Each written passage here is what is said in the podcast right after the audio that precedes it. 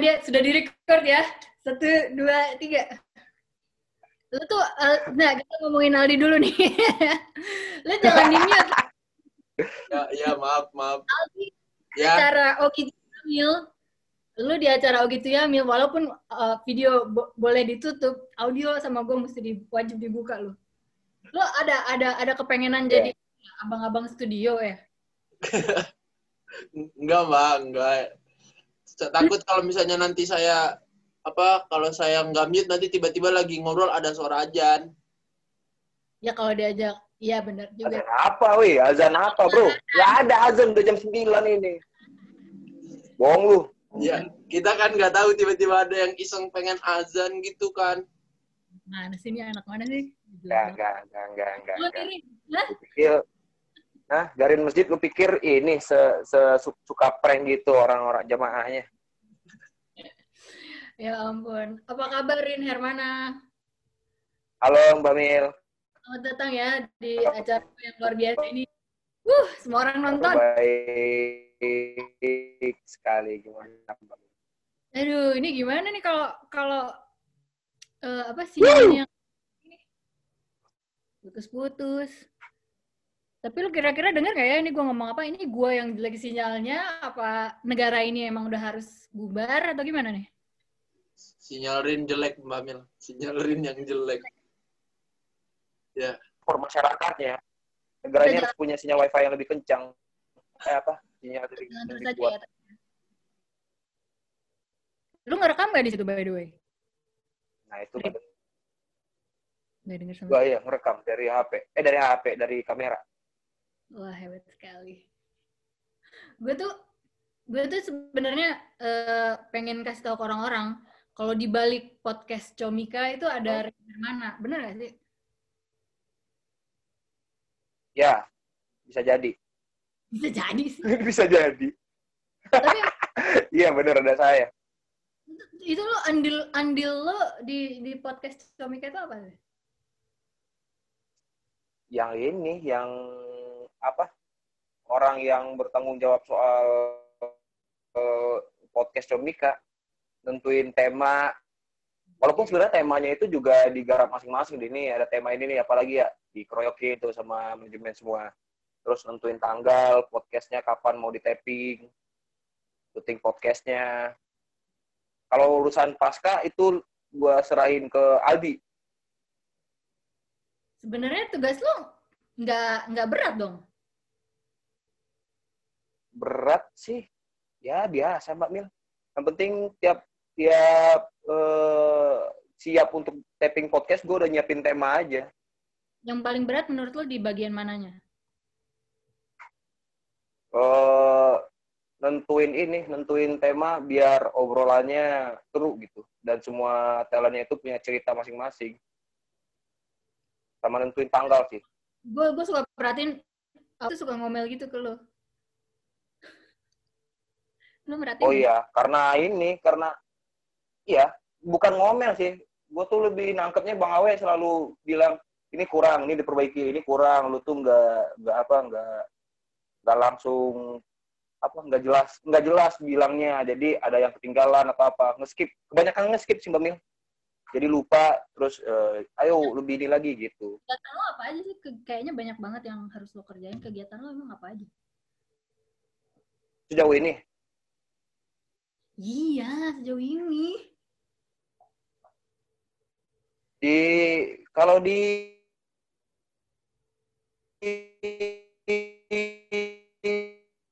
di Comika paling konten sih bahas eh, yang podcast nulis gambar nyari kegiatan besok mau bikin apa ya gitu Hah? Nulis, nulis gambar tuh gimana maksudnya? ya nulis saya mulai membiasain diri ini nulis dua jam sehari apa pun mau nulis skrip belum tahu jadi video atau kapan nulis dulu aja kalau ada materi ada premis ditulis dulu aja gitu Gue sambil ngemil ya. Tidak oke disponsori. Di situ ada cemilan nggak? ada sih kayak kopi Iya, bukan cemilan dong, minuman dong. Iya, bukan cemilan. Itu loh. Ah! Eh, terus Hmm. sebenarnya ya gini, kan ada beberapa sih yang pengen gue tanyain. Eh, apa lu lu enjoy nggak dengan kerjaan lo di di Comika ini? Lu, lu kayak kerja tetap apa gimana sih? Gue nggak ngerti. Di di Comika sebagai apa nih? Sebagai talent atau ini? Oh iya, malah ada Oh, sebagai, podcast. dan sebagai apa sih kayak pegawai gitu jatuhnya. Gimana sih?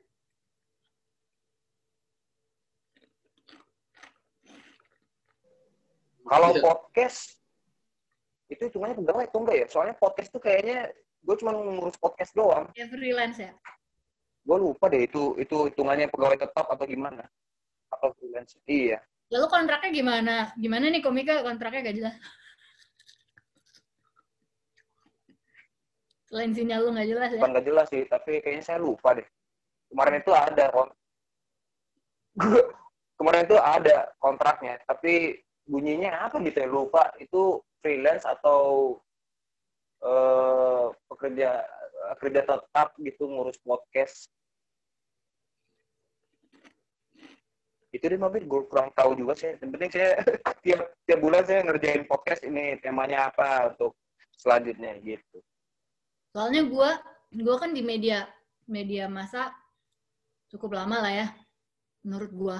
Tapi gue juga emang kayak emang jurusan gue juga apa namanya hmm, komunikasi gitu. Jadi gue emang kalau misalnya ada kaitannya kayak produksi, jauh sebelum ada istilah content creator tuh gue kayak gue ngerasa ya job gue nggak jauh-jauh dari content creating, tapi di media masa, di radio, terutama terutama di radio sih yang paling gitu. Gue kayak kalau ngeliat lu sih kayaknya lu tuh hitungannya kerjanya produser kali ya jatuhnya gitu produser podcast itu gitu. Nggak, yang gue tanyain adalah lu lu lu main nyebur aja?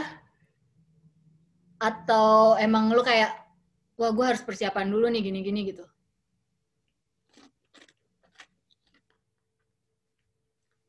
Bentar. Sebenarnya tadi dari obrolan Mbak Mila yang saya dengar itu adalah lu mau nyebur aja atau lu masih ini di soalnya di awalnya kayak putus-putus gitu. Jadi gue berusaha ini apa nih? Ini tapi ngomongnya tap- gitu. Terus lu Cemika sebagai konten kreator, gue tuh bikin bikin apa di media ini apa? Ini apa ya? Ini apa ya? Terus terakhir ngomongnya lu mau nyebur aja atau gimana gitu. Sorry mbak Mil sinyal di kosan saya emang susah ini.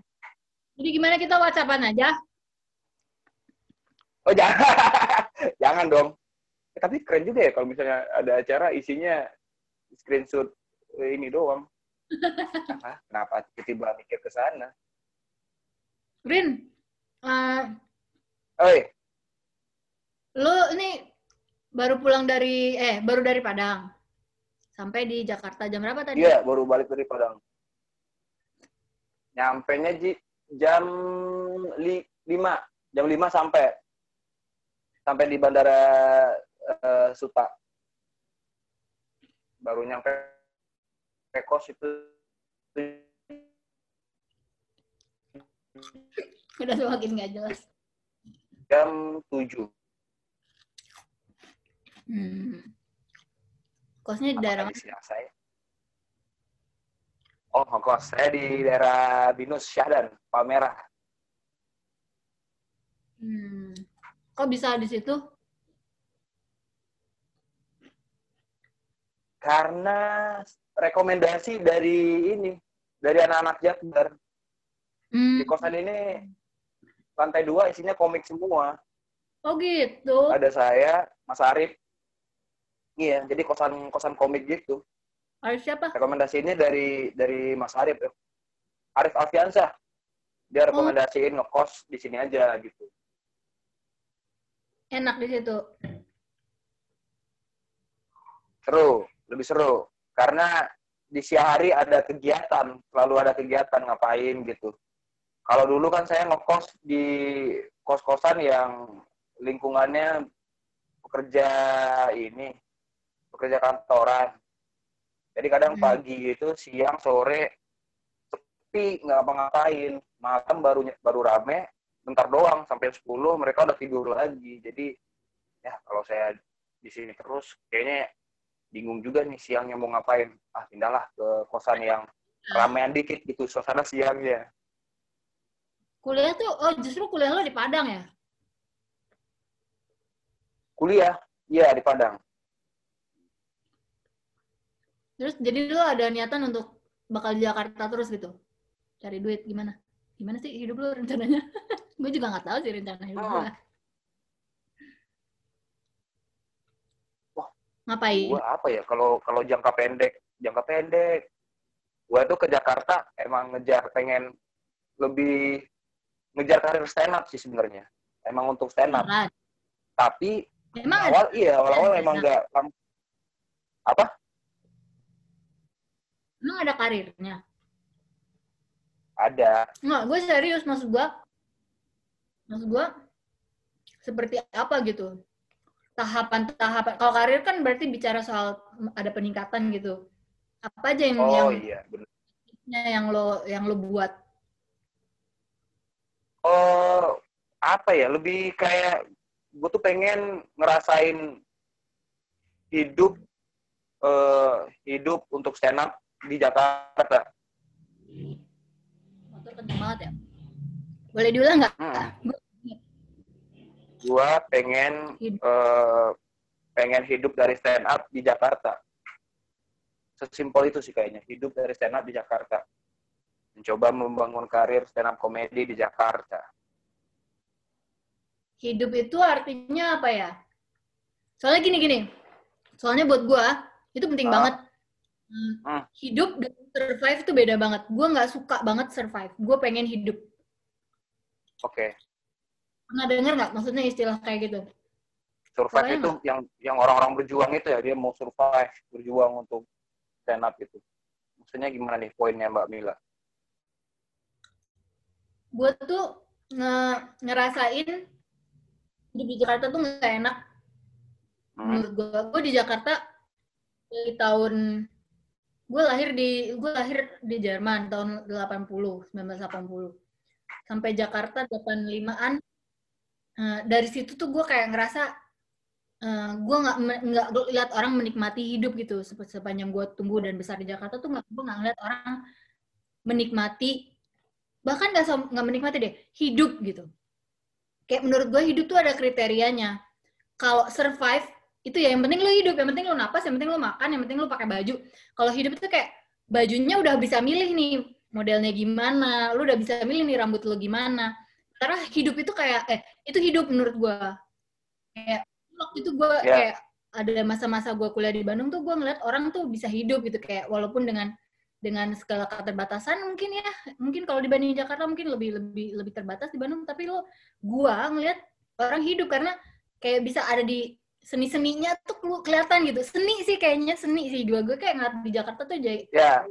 ada rasa kayak terkekang karena ruang untuk artnya tuh sangat amat kecil gitu. Kayak orang tuh kayak orang tuh dandannya gue gue ngerasa ya gue ngerasa mungkin entah laki mungkin karena gue perempuan. Tapi menurut gue semua orang tuh kayak punya hak untuk berdandan gitu apa pun lah eh, ininya sudut pandangnya. Tapi berdandan itu hak semua orang menurut gue. Tapi kalau di Jakarta tuh kayak kayak standar untuk bisa dandan itu entah apa tinggi banget apa justru rendah banget gitu. Jadi gue kayak beda sama kayak kalau ke Bandung gitu misalnya. Atau ambil contoh yang dari tadi di kepala gue adalah ke Bali. Orang tuh ke, ke Bali tuh untuk ya mungkin udah agak-agak lewat dari hidup lagi udah bener-bener kayak menikmati lihat lihat orang turis ya jadi turis gitu. Tapi gue ngeliat ya. yang bukan turisnya nih gue ngeliat orang Balinya gitu. Misalnya eh, gue ngeliat mereka kayak kasih porsi untuk emang ngebalance gitu. Nggak cuman survive tapi lo ber, bersolek lo juga kayak lo ada ada niat untuk you know kayak ada hidupnya gitu. Menikmati menik- menikmati udah ini ini ini yang gue senang di sini gue jalanin hidup gue ya seperti ini.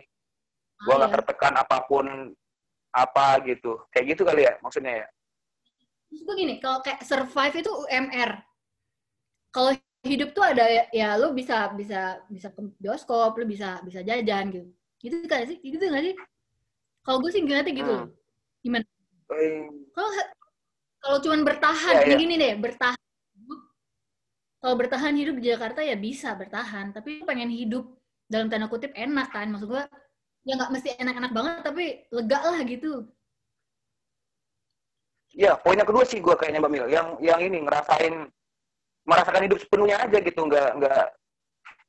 Kayaknya hidup itu lebih lebih tinggi dari dari dari standar survive gitu. Kalau misalnya gue bilang gue mau survive, ya gue yang penting bisa hidup, eh, bisa apa ya, bisa makan, bisa bener-bener kayak tahu bisa makan, punya baju, punya kuota internet, punya tempat tinggal gitu.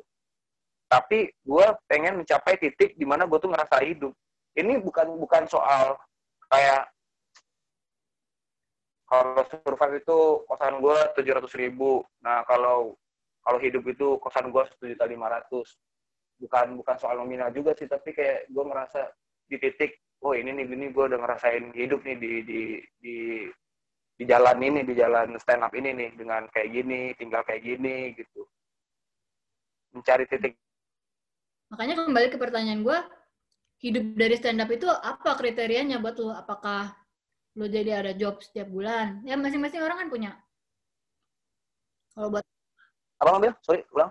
Kalau buat lo apa itu definisinya atau kriterianya yang memenuhi standar yang lo bilang dari hidup dari stand up itu apa kriterianya atau checklistnya itu apa yang lo bisa bilang, nah ini nih, nah ini nih gue hidup dari stand up nih gitu.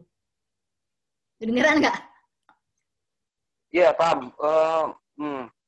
Ini pertanyaan yang belum pernah gue terima sebelumnya nih. Gue harus mikir langsung. Ya. Gak apa-apa, kalau gitu jangan langsung dijawab. Lu, lu sambil mikir aja. Ah. Oh, iya, iya. iya, boleh. apa ya? Tapi enak sih kalau kalau ngobrol yang bahas yang kayak gitu. Gue apa yang target gue hidup? Lebih kayak gue nggak mesti target lu hidup sih maksud gue kan ya siapa sih yang tahu lo masa depan lo kayak gimana hmm. itu tapi menurut gue hmm, gue ambil contoh kayak kebahagiaan kebahagiaan tuh bener-bener hak pribadi lo kan kalau seandainya lo dapet duit sebulan dua setengah juta terus uh, yeah. apa, lo ngabisin lebih dari uh, lo ngabisinnya tiga juta dengan lima ratus ribunya lo pinjem dari temen tapi lo bahagia ya udah itu berarti emang standar lo kriteria lo bahagia tuh itu gitu. Ya kan? Nah kalau misalnya lo bilang hidup dari stand up kayak gini nggak? Atau nggak gini deh siapa yang menurut lo jadi kayak wah gue nih kalau stand up nih gue mau sesukses dia nih gitu?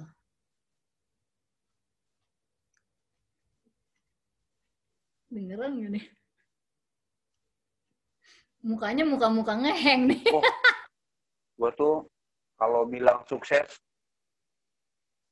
kayak kayak kayak Dodit. Gue gue kayaknya Dodit deh melihat Dodit. Oh iya? Nggak kebayang. Gue kira lu bakal jawab orang-orang yang ada.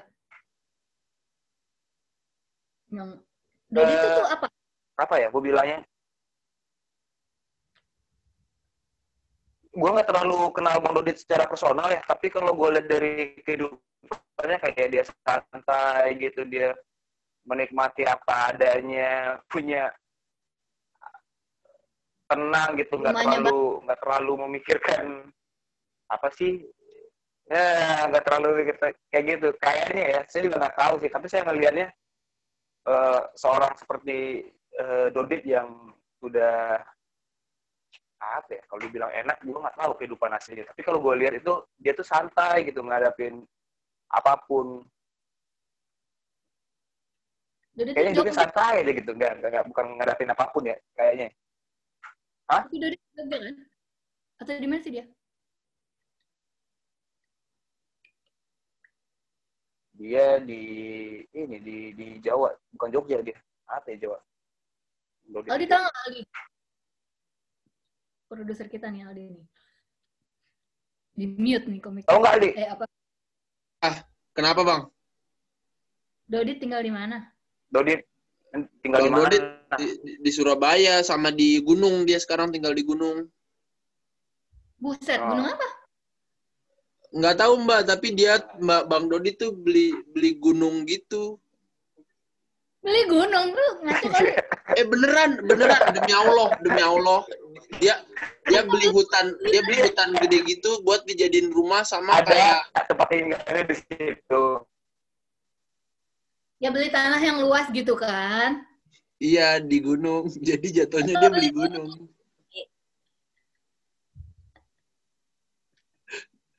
Beli gunung itu sama makna gitu loh kalau beli gunung tuh. Iya, dia, dia dia beli rumah gede banget gitu kayak ada tanahnya luas banget terus buat dijadiin tempat peliharaannya dia sama buat dijadiin hutan lindung kayaknya deh. Pokoknya Serius. Iya Beneran saking saking kayanya dia. Saya pernah nonton YouTube-nya soalnya Ser- sering nonton vlog-vlog dia waktu hidup di gunung. Peliharaan apa? Peliharaan apa? Oh, piaran dia tuh banyak nggak salah kayak ada ada anjing, Kuda. Dia pelihara pelihara kuda gitu. anjing, kuda. Pablo Escobar. Narkoba Ya. kayaknya. Kayak Pablo Escobar. Iya kayaknya. Masa kayak macan gunung juga dipiara sama dia kayaknya. Beneran. Nggak tahu. Ad- ada di YouTube mbak saya nggak bohong. Nanti saya taruh linknya di deskripsi. Wah langsung gitu. Oh gitu. Tapi mesti digali itu, itu mungkin lain kali pemasukan nggak dari nggak dari hanya stand up tok gitu loh. Kenapa? Nah, tapi saya pengennya ngerasainnya seperti itu dari stand up gitu, pengennya. Kayaknya stand up tuh kayak gerbang deh. Maksud gue kayak gini. Bahkan kayak di luar negeri juga, gue juga ngeliat orang stand up tuh kayak batu loncatan untuk menuju apa yang sebetulnya dia mungkin mau gitu. Ada juga orang yang terus-terus stand up sampai puluhan tahun. Tapi ada yang kayak menggunakan itu untuk jadi main film kah, jadi presenter kah. Lu suka ke, ke- suka nonton-nonton gitu gak sih, Rin? Hmm. Nonton apa? nonton nonton sih kalau gue kayak kalau gue bilang gue gue suka nonton tuh gue tuh dulu ya mungkin sekarang enggak gue suka nonton acara televisi hmm, Saya udah suka udah lama Mbak Mil nggak nonton TV. Udah film lama nggak nonton TV.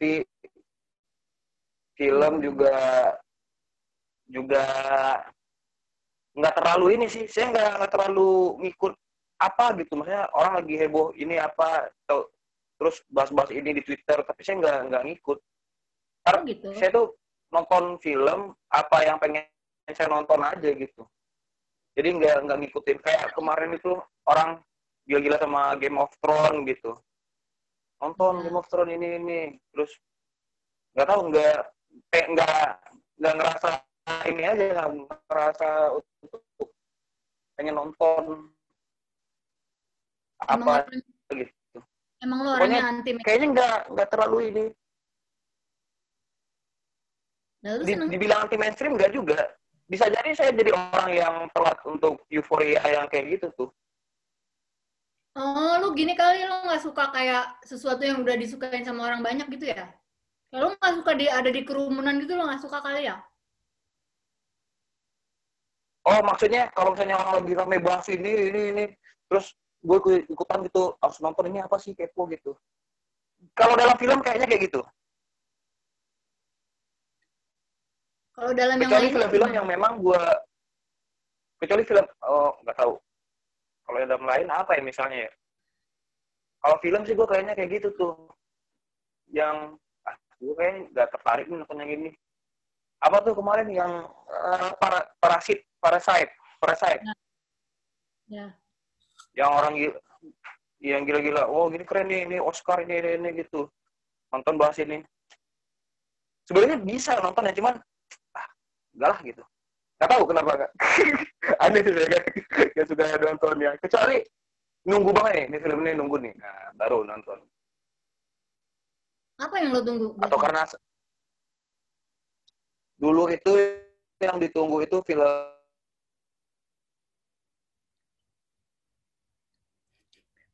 hilang film Joker, Joker, Joker. Darat darurat lu nggak nonton ya berarti ya? Lu nggak respect ya berarti bang ya? Halo. kompor anjing eh diem lu anak kecil Dek dek Mike. Susah. Berani-beraninya ngompor-ngomporin orang. Nih, mati terus nih.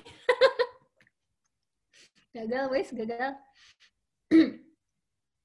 Nggak, maksud gue tuh gue penasaran. Kayak, kayak gini nih. Halo. Halo, halo. Halo.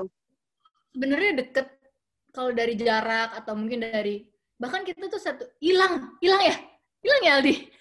Hilang dia mbak, hilang dia mbak. Bentar, saya kabarin. Maaf ya ada sedikit ada gangguan koneksi nih, tapi mudah-mudahan sekarang depannya kita nggak terlalu ada banyak banyak gangguan teknis. Uh, gue tuh tadi cuma mau nanya aja sih sebenarnya. Mm-mm. Sekarang saya sudah pindah lokasi di teras. Mudah-mudahan lebih bagus ya. Uh, enggak, gue mau nanya apa namanya apa yang lo antisipasi dalam hidup lo ini apa gitu kayak kalau lo nonton film yang katakanlah mainstream itu kan lo kayak contoh nih contoh ya gue juga nggak gitu soalnya tapi ini contoh aja.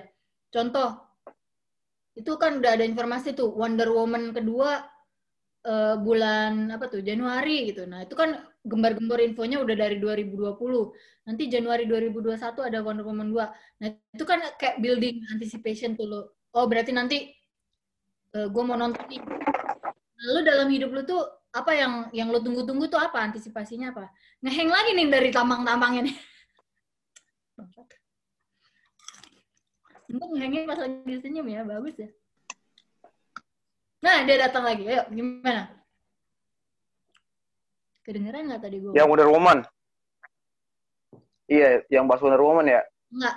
Nggak, orang kan kalau itu contoh film. Kalau orang nonton film tuh sebetulnya mungkin bukan apa yang ditontonnya, tapi antisipasi. Jadi dia tuh menanti pada tanggal sekian, dari tanggal sekian, itu gue menanti menuju pada tanggal itu. Sehingga itu yang gue tunggu-tunggu. Jadi adalah uh, excitement gitu oh gue mau mau nanti tanggal itu gue mau ini gitu nah dalam hidup lo kalau lo nggak nggak ngikutin film yang umum-umum atau apa yang umum gitu berarti dalam hidup lo apa yang lo antisipasi kayak kalau misalnya orang ada yang sesederhana ya gue nggak menantikan film tapi gue antisipasi setiap pagi untuk bangun untuk uh, mencium udara pantai gitu misalnya karena makanya gue tinggal di pantai itu atau mungkin ada orang yang antisipasinya sesederhana bahwa ya gue excited hari yang gue tunggu tunggu tunggu adalah gajian gitu. Nah lo yang lo tunggu tunggu tuh dalam hidup secara berkala tuh apa? Ribet nggak pertanyaan gue? Oh iya. Hmm. Dia nggak hang anjing. Katanya ini sinyal apa ya? Pertanyaannya ini nggak nggak masih ngeheng ya? Nggak, nggak. Lanjut aja, lanjut. Udah oke. Okay. Oh. Kan gue gitu. Soal... Orang kalau kerja atau sekolah aja, gue ngeliat anak-anak gue sekolah Senin sampai Jumat tuh yang, aduh cepetan Sabtu deh, cepetan Sabtu deh gitu. Karena kita tunggu-tunggu tuh Sabtu Minggu, karena ya nggak terlalu excited lah dengan pelajaran di sekolah gitu. Tapi ya di luar dari yang hal yang seperti itu ada kadang-kadang memang diantisipasi. Pada zaman pada zamannya kan ya namanya makanya liburan itu kemarin jadi satu polemik tersendiri karena dalam satu tahun itu orang antisipasi tanggal-tanggal cuti liburan itu karena ya orang mengantisipasi itu gitu. Dan itu salah satu orang orang mau bangun setiap pagi juga gitu. Karena gue sendiri ngerasain gue ada masa-masa di mana gue yang bangun aja gue nggak nggak berminat gitu karena apa yang gue cari gitu gue kehilangan purpose gitu gue nggak ada tujuan kehilangan tujuan kayak gue kayaknya sampai akhirnya gue memikirkan ya gue harus deh bikin ngarang-ngarang sendiri deh tujuan-tujuan hidup supaya gue ada kayak drive atau motivasi untuk mencapai satu target tertentu. Walaupun gue longgar banget gitulah targetnya nggak terlalu kayak ya udah kalau nggak nggak kesampaian ya nggak apa-apa tapi minimal gue ada ada target gitu kalau lo ada nggak yang kayak gitu-gitu antisipasi misalnya? Hmm. sederhana apa pun lah itu apakah? Gue gue lebih ini mbak Mil lebih lebih mau kayaknya ya ini entah nyambung atau enggak dengan pertanyaannya tapi gue tuh kayak gue tuh menikmati hari ini saat ini gue mau ngapain ya gitu. Gue mikir di hari itu gue nggak nggak nggak nggak bukan orang yang kayaknya gue kayak antisipasi hari-hari tadi gitu. Gue nangkapnya yang yang yang itu loh yang harus nunggu sabtu minggu anak sekolah nunggu sabtu minggu. Nah gue enggak nih ini hari ini gue bisa ngapain ya? Gitu. Terus kalau misalnya nyambung nggak dengan pertanyaannya? Apa-apa gitu, hari ini hari ini lu terima aja apa apa? getaran yang datang dari udara, apa pun yang terjadi gitu. oh enggak oh, lebih kayak kan gue punya gue punya target punya punya target yang ingin gue capai Apa tuh?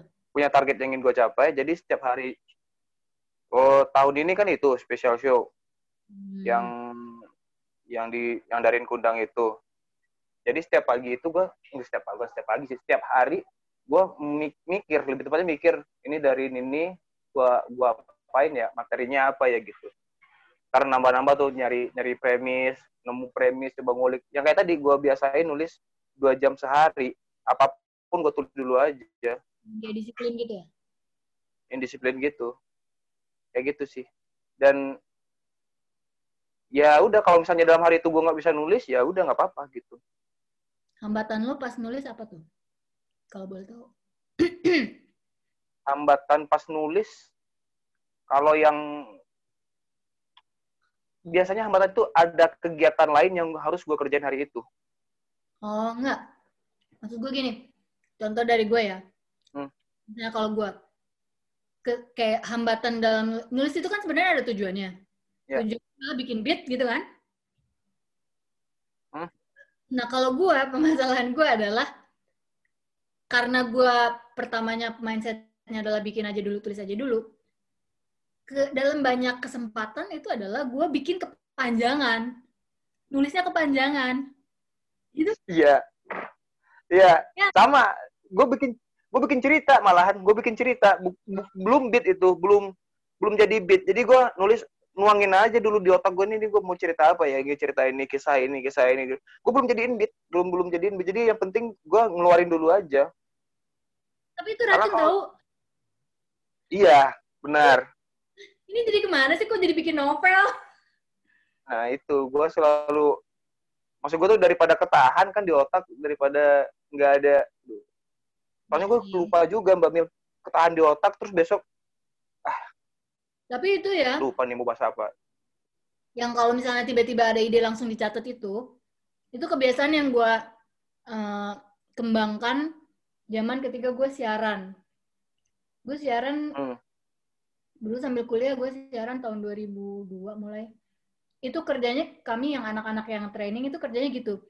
Lagi ngobrol-ngobrol-ngobrol, ada yang asik nih, langsung di- dicatat karena langsung kepikiran punchline. Zaman belum tahu stand up tuh. Kerjaan kami tuh kalau siaran kayak diwajibkan gitu sama senior adalah harus ada punchline. Dan Hmm. ya kalau siaran tuh kan menit doang. Ya. Eh, bicara tuh. Pakemnya sih dulu di, di tempat siaran gue kayak gitu ada cuma satu menit. Eh, ada tiga tuh colekan. Colekan tuh artinya orang jadi pengen denger apa sih apa sih tercolek gitu lah. ya ya kayak clickbait gitu lah ya enggak bukan Ya pokoknya eh, kalimat apa yang biasanya satu kalimat ini aja di awal orang tuh yang langsung jadi penasaran lah gitu. Biasanya Oke. paling adalah pertanyaan. Kayak hmm. eh, kayak kenapa sih perempuan kalau PMS marah-marah Gitu. kayak gitu sesederhana itulah misalnya terus isi ya isinya ya, Ya. sesuatu informatif terus harus wajib banget ada punchline dan itu yang menentukan nyawa kita dari training ke penyiar tetap karena makin makin makin enak Ya. dia makin pas sama lagu makin punchline-nya bagus smart punchline itu kayak kayak di kebanggaan di antara kita anak-anak training lah gitu kayak gitu jadi kayak nulis sambil jadi kalau lo periksa di handphone gue notes gue tuh panjang banget banyak banget. Oh iya ngomong-ngomong notes. Nih tapi lo eh, ini eh, ngerekam pakai handphone ya? Iya. ini eh, em, kayak bisa nggak sih kita nggak ini buka buka notes sambil sambil zoom gitu? Aldi tau nggak lo Zoom bisa mbak kalau di handphone. Bisa sambil buka aplikasi lain kok. nah coba lu nyatet di di di handphone nggak? Kayak gitu gituan nyatat coba dong coba dong share dong share catatan lo yang yang boleh di, di- kita nggak nggak ini ya kita sambil hilang hilang tau di Oh iya, Emang iya. sengaja dimatiin sama dia. Enggak, kan gua harus harus ini, harus ngecek buka note di HP gua. oh nggak bisa Atau gua bacain aja ya. Gimana nih? bacain aja Bacain, Coba. bacain. yang menurut yang menurut lu menarik gitu Nih, ini yang gue catat tadi nih, hari ini. Eh, prinsip keluarga gua lebih baik mengakali sesuatu daripada memperbaiki. Lebih baik mengakali sesuatu daripada membeli. Nah, itu gua tadi, gua kepikiran itu. keluarga lu Mm-mm. oke oke boleh kita bahas nggak nih Boleh dong. gimana gimana tuh maksudnya apa tuh Ini. Eh, di rumah gua itu kamar mandi dalamnya mampet ininya klosetnya oh my god mampet sebenarnya kan kalau misalnya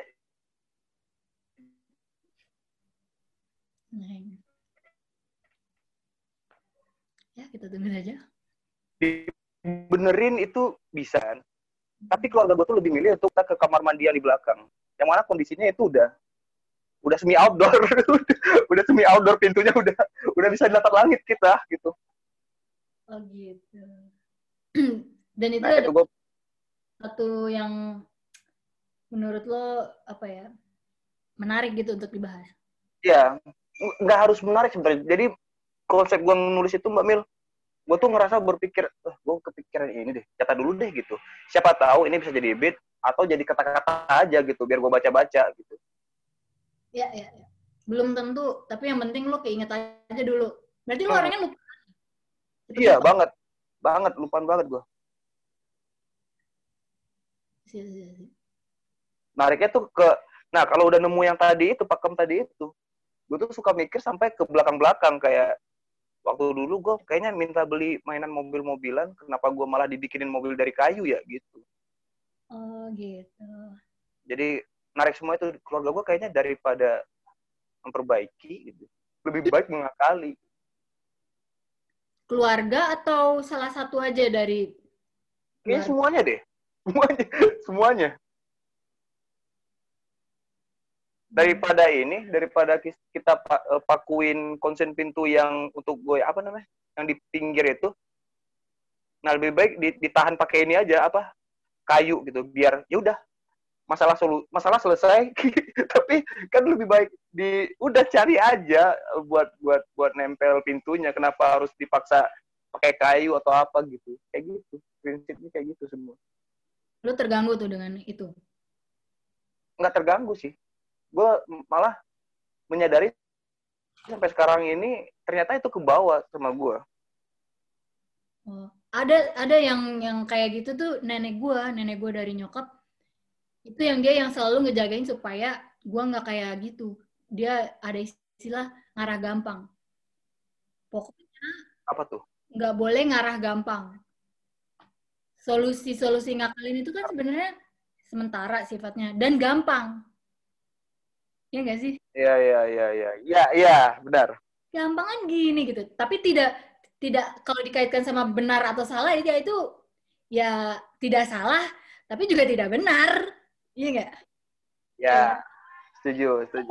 Ya banget setuju sih buat gue gue gue tahu banget yang kayak gitu. Tapi gue ditanam di kayak indoktrinasi gitu bahwa nggak boleh nggak gampang gitu karena gue termasuk orang yang ngakalin banget seneng banget ngakalin. Tanya Aldi tuh dia paling tahu sama dia seneng ngakalin. Tahu apa. Mbak? sama gue di rumah di rumah ini ya sekarang. Bahkan ketika gue kayak dalam posisi gue belum menikah gitu ya itu gue tukang banget tukang ngebenerin apa pun di rumah di mana pun gue ada gitu. Kalau misalnya ada yang mampet ada yang apa tuh gue kayak gatel pengen benerin gitu. Karena ya mungkin salah satunya karena itu juga karena pengen kayak nggak gue gregetan nih gue harus nemuin gimana caranya biar biar bener gimana gitu. Karena kalau misalnya ngarah gampang ngakal ngakalin ya bisa aja sih gitu. Dan itu memang dari jiwa gue gue seneng juga ngakal ngakalin tuh seneng. Makanya gue itu tipe yang hoarder tau gak lo? Apa tuh? Hoarder tuh kayak ngumpulin barang. Jadi di rumah gue tuh uh. lemari gue tuh apa isinya sampah. Ini di belakang ini nih. Ini kalau di sama lain tuh isinya sebenarnya 90% ini sampah deh. Sama Mbak Bil Hah? sama kita. Iya gue kan? tuh suka nih nih gue nih gue hal yang paling aneh adalah gue pernah main ke taman yang di di di, di, di Padang di Sumbar sih main ke taman-taman apa namanya itu bunga-bunga cemara gitu. Gue ngeliat ada ada biji cemara yang kayaknya kayaknya nih bagus deh gitu. Tapi itu sampah kan. Terus gue bawa pulang. Sampai di rumah gue gua taruh di meja gue terus gue bingung ini kenapa gue ambil ya? Tapi tapi ini bagus loh ini estetik. Tapi ini sampah Rin gitu. Tapi Lalu ya, juga ya udahlah. Lu nggak bikin karya-karya apa juga nggak bikin cuman mungkin udah ada kepikiran. Tapi ya sampai hari itu sampai hari ini kayak nggak diapa-apain gitu kan. Benar. Sampai gue itu punya tanduk kerbau. Gue nggak tahu itu bakal jadi apa tapi gue gua simpan. Dari mana? Dari ini dari kurban. Dari ada ada ada eh, kurban kurban idul adha. Oh, ada kepala kan. Nah itu pecah. Gue gua gua ambil gua ambil tanduknya. Emang tanduknya udah lepas. Nah gue tuh seneng aja tuh ngeliat ada tanduk. Di kamar gue ada tanduk gitu. Jadi kayak trompet. Uh, tapi nggak bisa jadi trompet. Maksudnya gimana ya? Mau gue gambar-gambar tapi sayang ah tanduknya masih kayak tanduk gitu. Tapi ya udah. Gue gua gua ini aja gue taruh aja. Jadi iya. apa ini? Gitu. Iya iya iya gua ke ini gua ke pantai nemu ini di pantai karang-karang laut tau gak sih? Karang-karang laut yang pecah-pecahan gitu. Iya. nah kadang itu kalau ada bentuknya yang gua suka gua ambil. yang kayak kepala tanduk Iya. gitu kan. ya yang kayak gini nih nih. Ya gua ambil aja gitu. Buat apa? Nggak tahu buat di kamar kayaknya bagus gitu. Gua tipe yang kayak gitu yang suka nemu sampah gua simpan tapi gua nggak tahu ini juga punya buat apa suka ngambil suka nemu-nemu yang kayak gitu nah itu aneh Iya, lu harus kerja keras kalau kayak gitu. Supaya lu punya duit bisa beli eh, rumah yang cukup gede atau minimal gudang. Karena gue tuh Iya. walaupun gue kecil, tapi gue ada gudang. iya iya iya iya barang-barang yang diambil tapi nggak untuk nggak tahu untuk apa gitu Iya, karena isinya udah nggak jelas jelas. Gak usah jauh-jauh cari gudang deh. Kayak misalnya gue tuh punya tempat perhiasan ya namanya. eh ya gue walaupun nggak nggak suka dandan, tapi gue seneng gitu ngeliat perhiasan. Tapi sering banget hilang-hilangan barang tuh hilang-hilangan. Jadi anting sebelah sebelah tuh sering. Terus eh, apa tinggal tinggal kancingnya doang, kancingnya copot. Tapi gue simpen gitu. Tapi nggak gue gue jarang Iya. eh, belum lagi gue simpen. Jadi emang random banget itu kalau lihat. Dan nenek gue yang yang gue bilang tadi soal ngarah gampang itu tadi ketika beliau uh, meninggal dunia terus dia ya kan kita ubek-ubek nih ya barang-barang beliau ya. Terus gue buka-bukain lah lah sama sama gue kerjanya ngumpulin. Iya. Gitu. Ngumpulin hal-hal yang sebenarnya ini nggak perlu disimpan tapi ini kenapa disimpan ya? Gitu. Barang nggak barang berharga juga gitu. Nggak kayak berlian emas batu giok atau batu batu pualam apa enggak gitu. Yo bangun woi. Ngomong aja. Gitu Rin.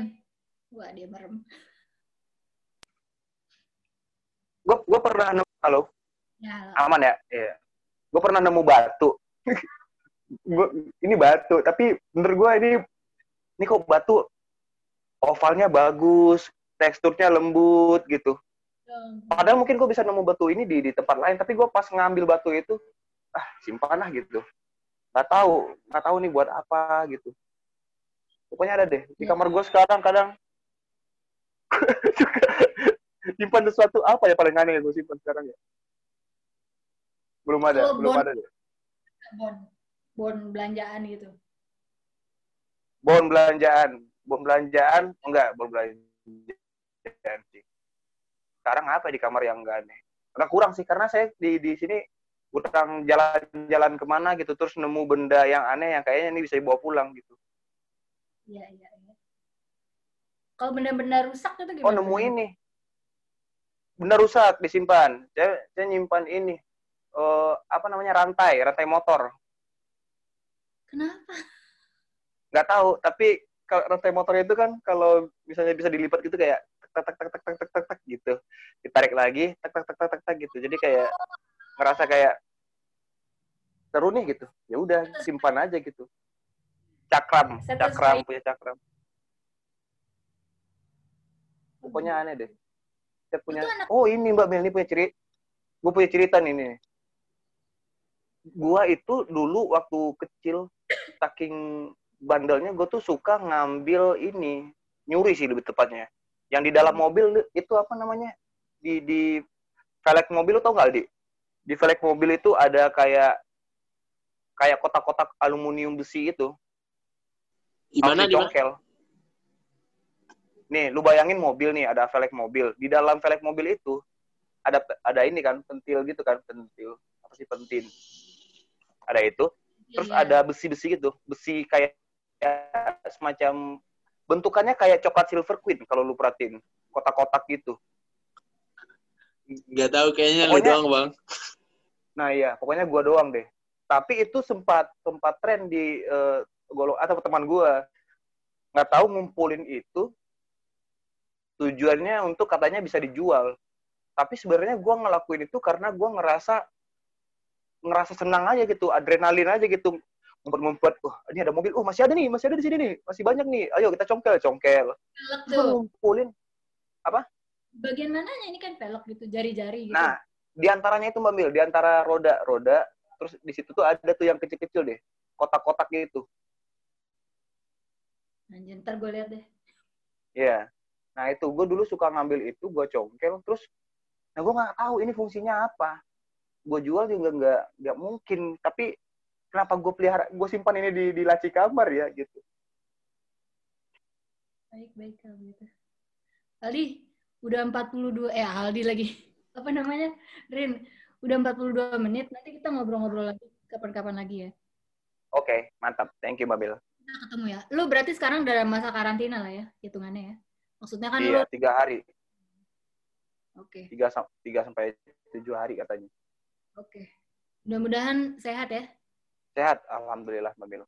Saya ngerasanya sih nggak tahu ya kalau di swab antigen tiba-tiba OTG. Yang kita lindungin kadang-kadang bukan dari kita, justru lebih ke ngelindungin orang di sekitar kita, ya kan. Lagi orang-orang yang udah orang berumur. benar-benar. kan. Oke, Derin. Nanti kita ngobrol-ngobrol lagi. Thank you, Mbak Makasih Mel. banyak ya. Oh, Jangan langsung pergi dulu. Tunggu, tunggu, tunggu, tunggu. Sorry.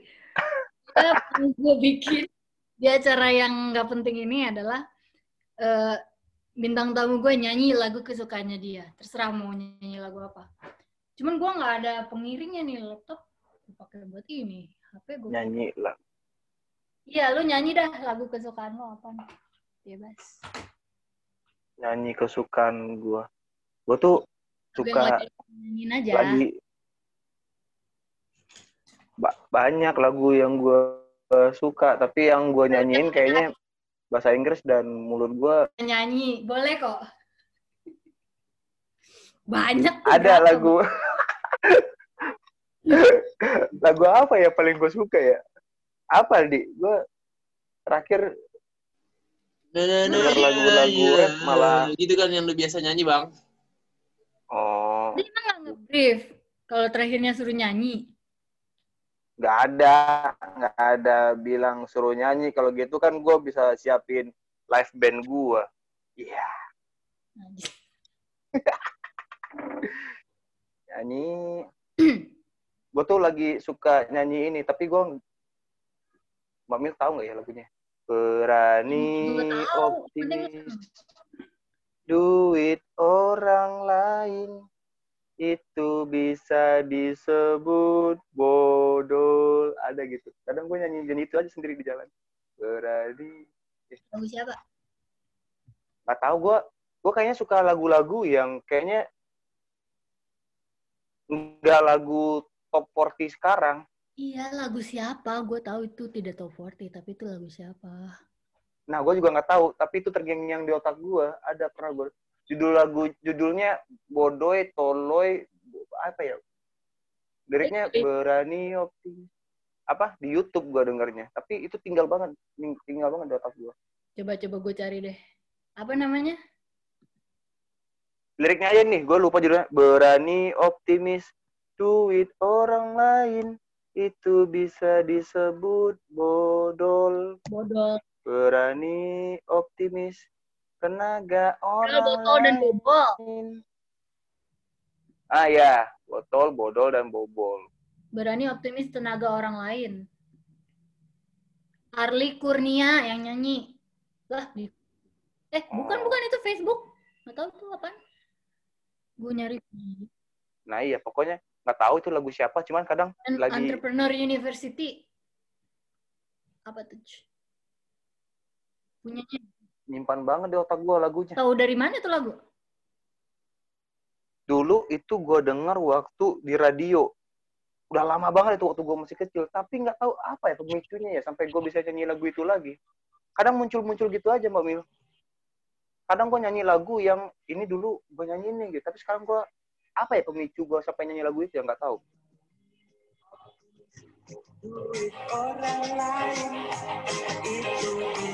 Gue lagi dengerin nih. Lu denger gak? Itu lagunya. Iya.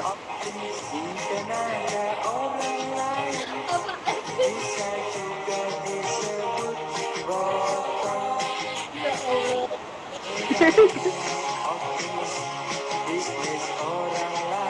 sih ini? Ya. Apa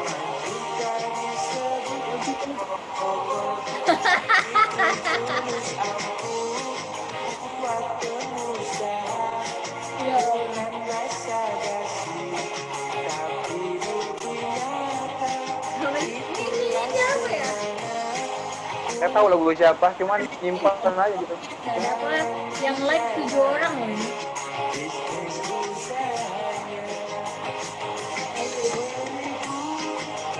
Ini diuploadnya dua- September 21 2016. 559 views nih kalau di YouTube. Tapi saya dengar itu waktu kecil, bukan 2016. Masih ingat saya. Itu dari radio dulu. Kenapa? Itu dari radio dulu. Saya dengarnya dari radio, bukan dari tahun 2016. Sudah lama banget. Radio Nah, di itu radio di Padang. Ada radio RRI kalau nggak salah itu dengarnya. Oh gitu. Siapa yang nyanyi ya? Gak tahu. saya aneh tiba-tiba kadang kepikiran lagu itu. Kadang Botol, botol, botol. nyanyi lagu Carita de Angel. Terus oh, siapa? Esmeralda. Coba coba. Esmeralda, Esmeralda, Esmeralda. Gue bisa kalau Esmeralda. Iya, iya, iya. Tapi saya liriknya nggak tahu. Jadi saya bergumam aja gitu. Ya, gimana gimana? Bagian yang paling lo suka aja. Ein amor en recuerdes de esto. Rosalinda dong, kok Esmeralda? Aves temi Rosalinda. gitu. gak, gak, gak pernah hafal lirik yang merek lirik, yang kayak gitu, tapi suka suka nada-nadanya aja. Kadang diganti lirik gitu. Makanya saya suka fluktup nih kayaknya nih. Oh gitu. Iya, iya, iya. Kenapa suka Fluxtube? Karena eh ada saya ini saya saya tuh kalau mendengarkan lagu ingat nadanya tapi lupa nggak nggak tahu liriknya. Jadi yang direkam di otak itu pertama kali adalah nadanya. Dan kalau nyanyi nadanya lupa liriknya lupa. Saya tuh suka nyari nyari apa aja gitu jadi dijadiin lirik gitu. Hmm, gitu. jadi susah mengingat lirik. Dan lo nggak ada kayak ngefans sama musisi tertentu atau band tertentu gitu nggak? kalau fans saya sejauh ini suka kalau Indonesia seringai Oh gitu. justru kalau seringai suka iya suka musik-musik distorsi dan paling paling cocok itu kayaknya dengar seringai sama lirik-liriknya oke sih Tapi nggak ada yang lo hafal lagu-lagu seringai? ah kalau seringai ada Ya sok atuh. individu individu merdeka individu individu merdeka Ding, ding. Kak, gak ada musik aneh juga ya. Kok saya jadi aneh sendiri nyanyi kayak gitu. Kalau sendiri. Jelas sih. Terhakimi, kalian bukan mereka. Era baru milik kalian. Hapus Nurma Usang. Tampak beda. Tidak meyakinkan. Hanya di beda. Tak meyakinkan hanya di luar saja. Kau berbeda. Kau berbeda. Uh, aduh, itu kalau nggak ada lirik, kalau nggak ada lagu, gue lu, lupa sih. Hmm. Buka pikiranmu, hapuskan Nurma Usang. Kelak perlakuan dunia saat unjuk taring terdeng terdeng. Mereka tak berarti serigala kau tidak sendiri.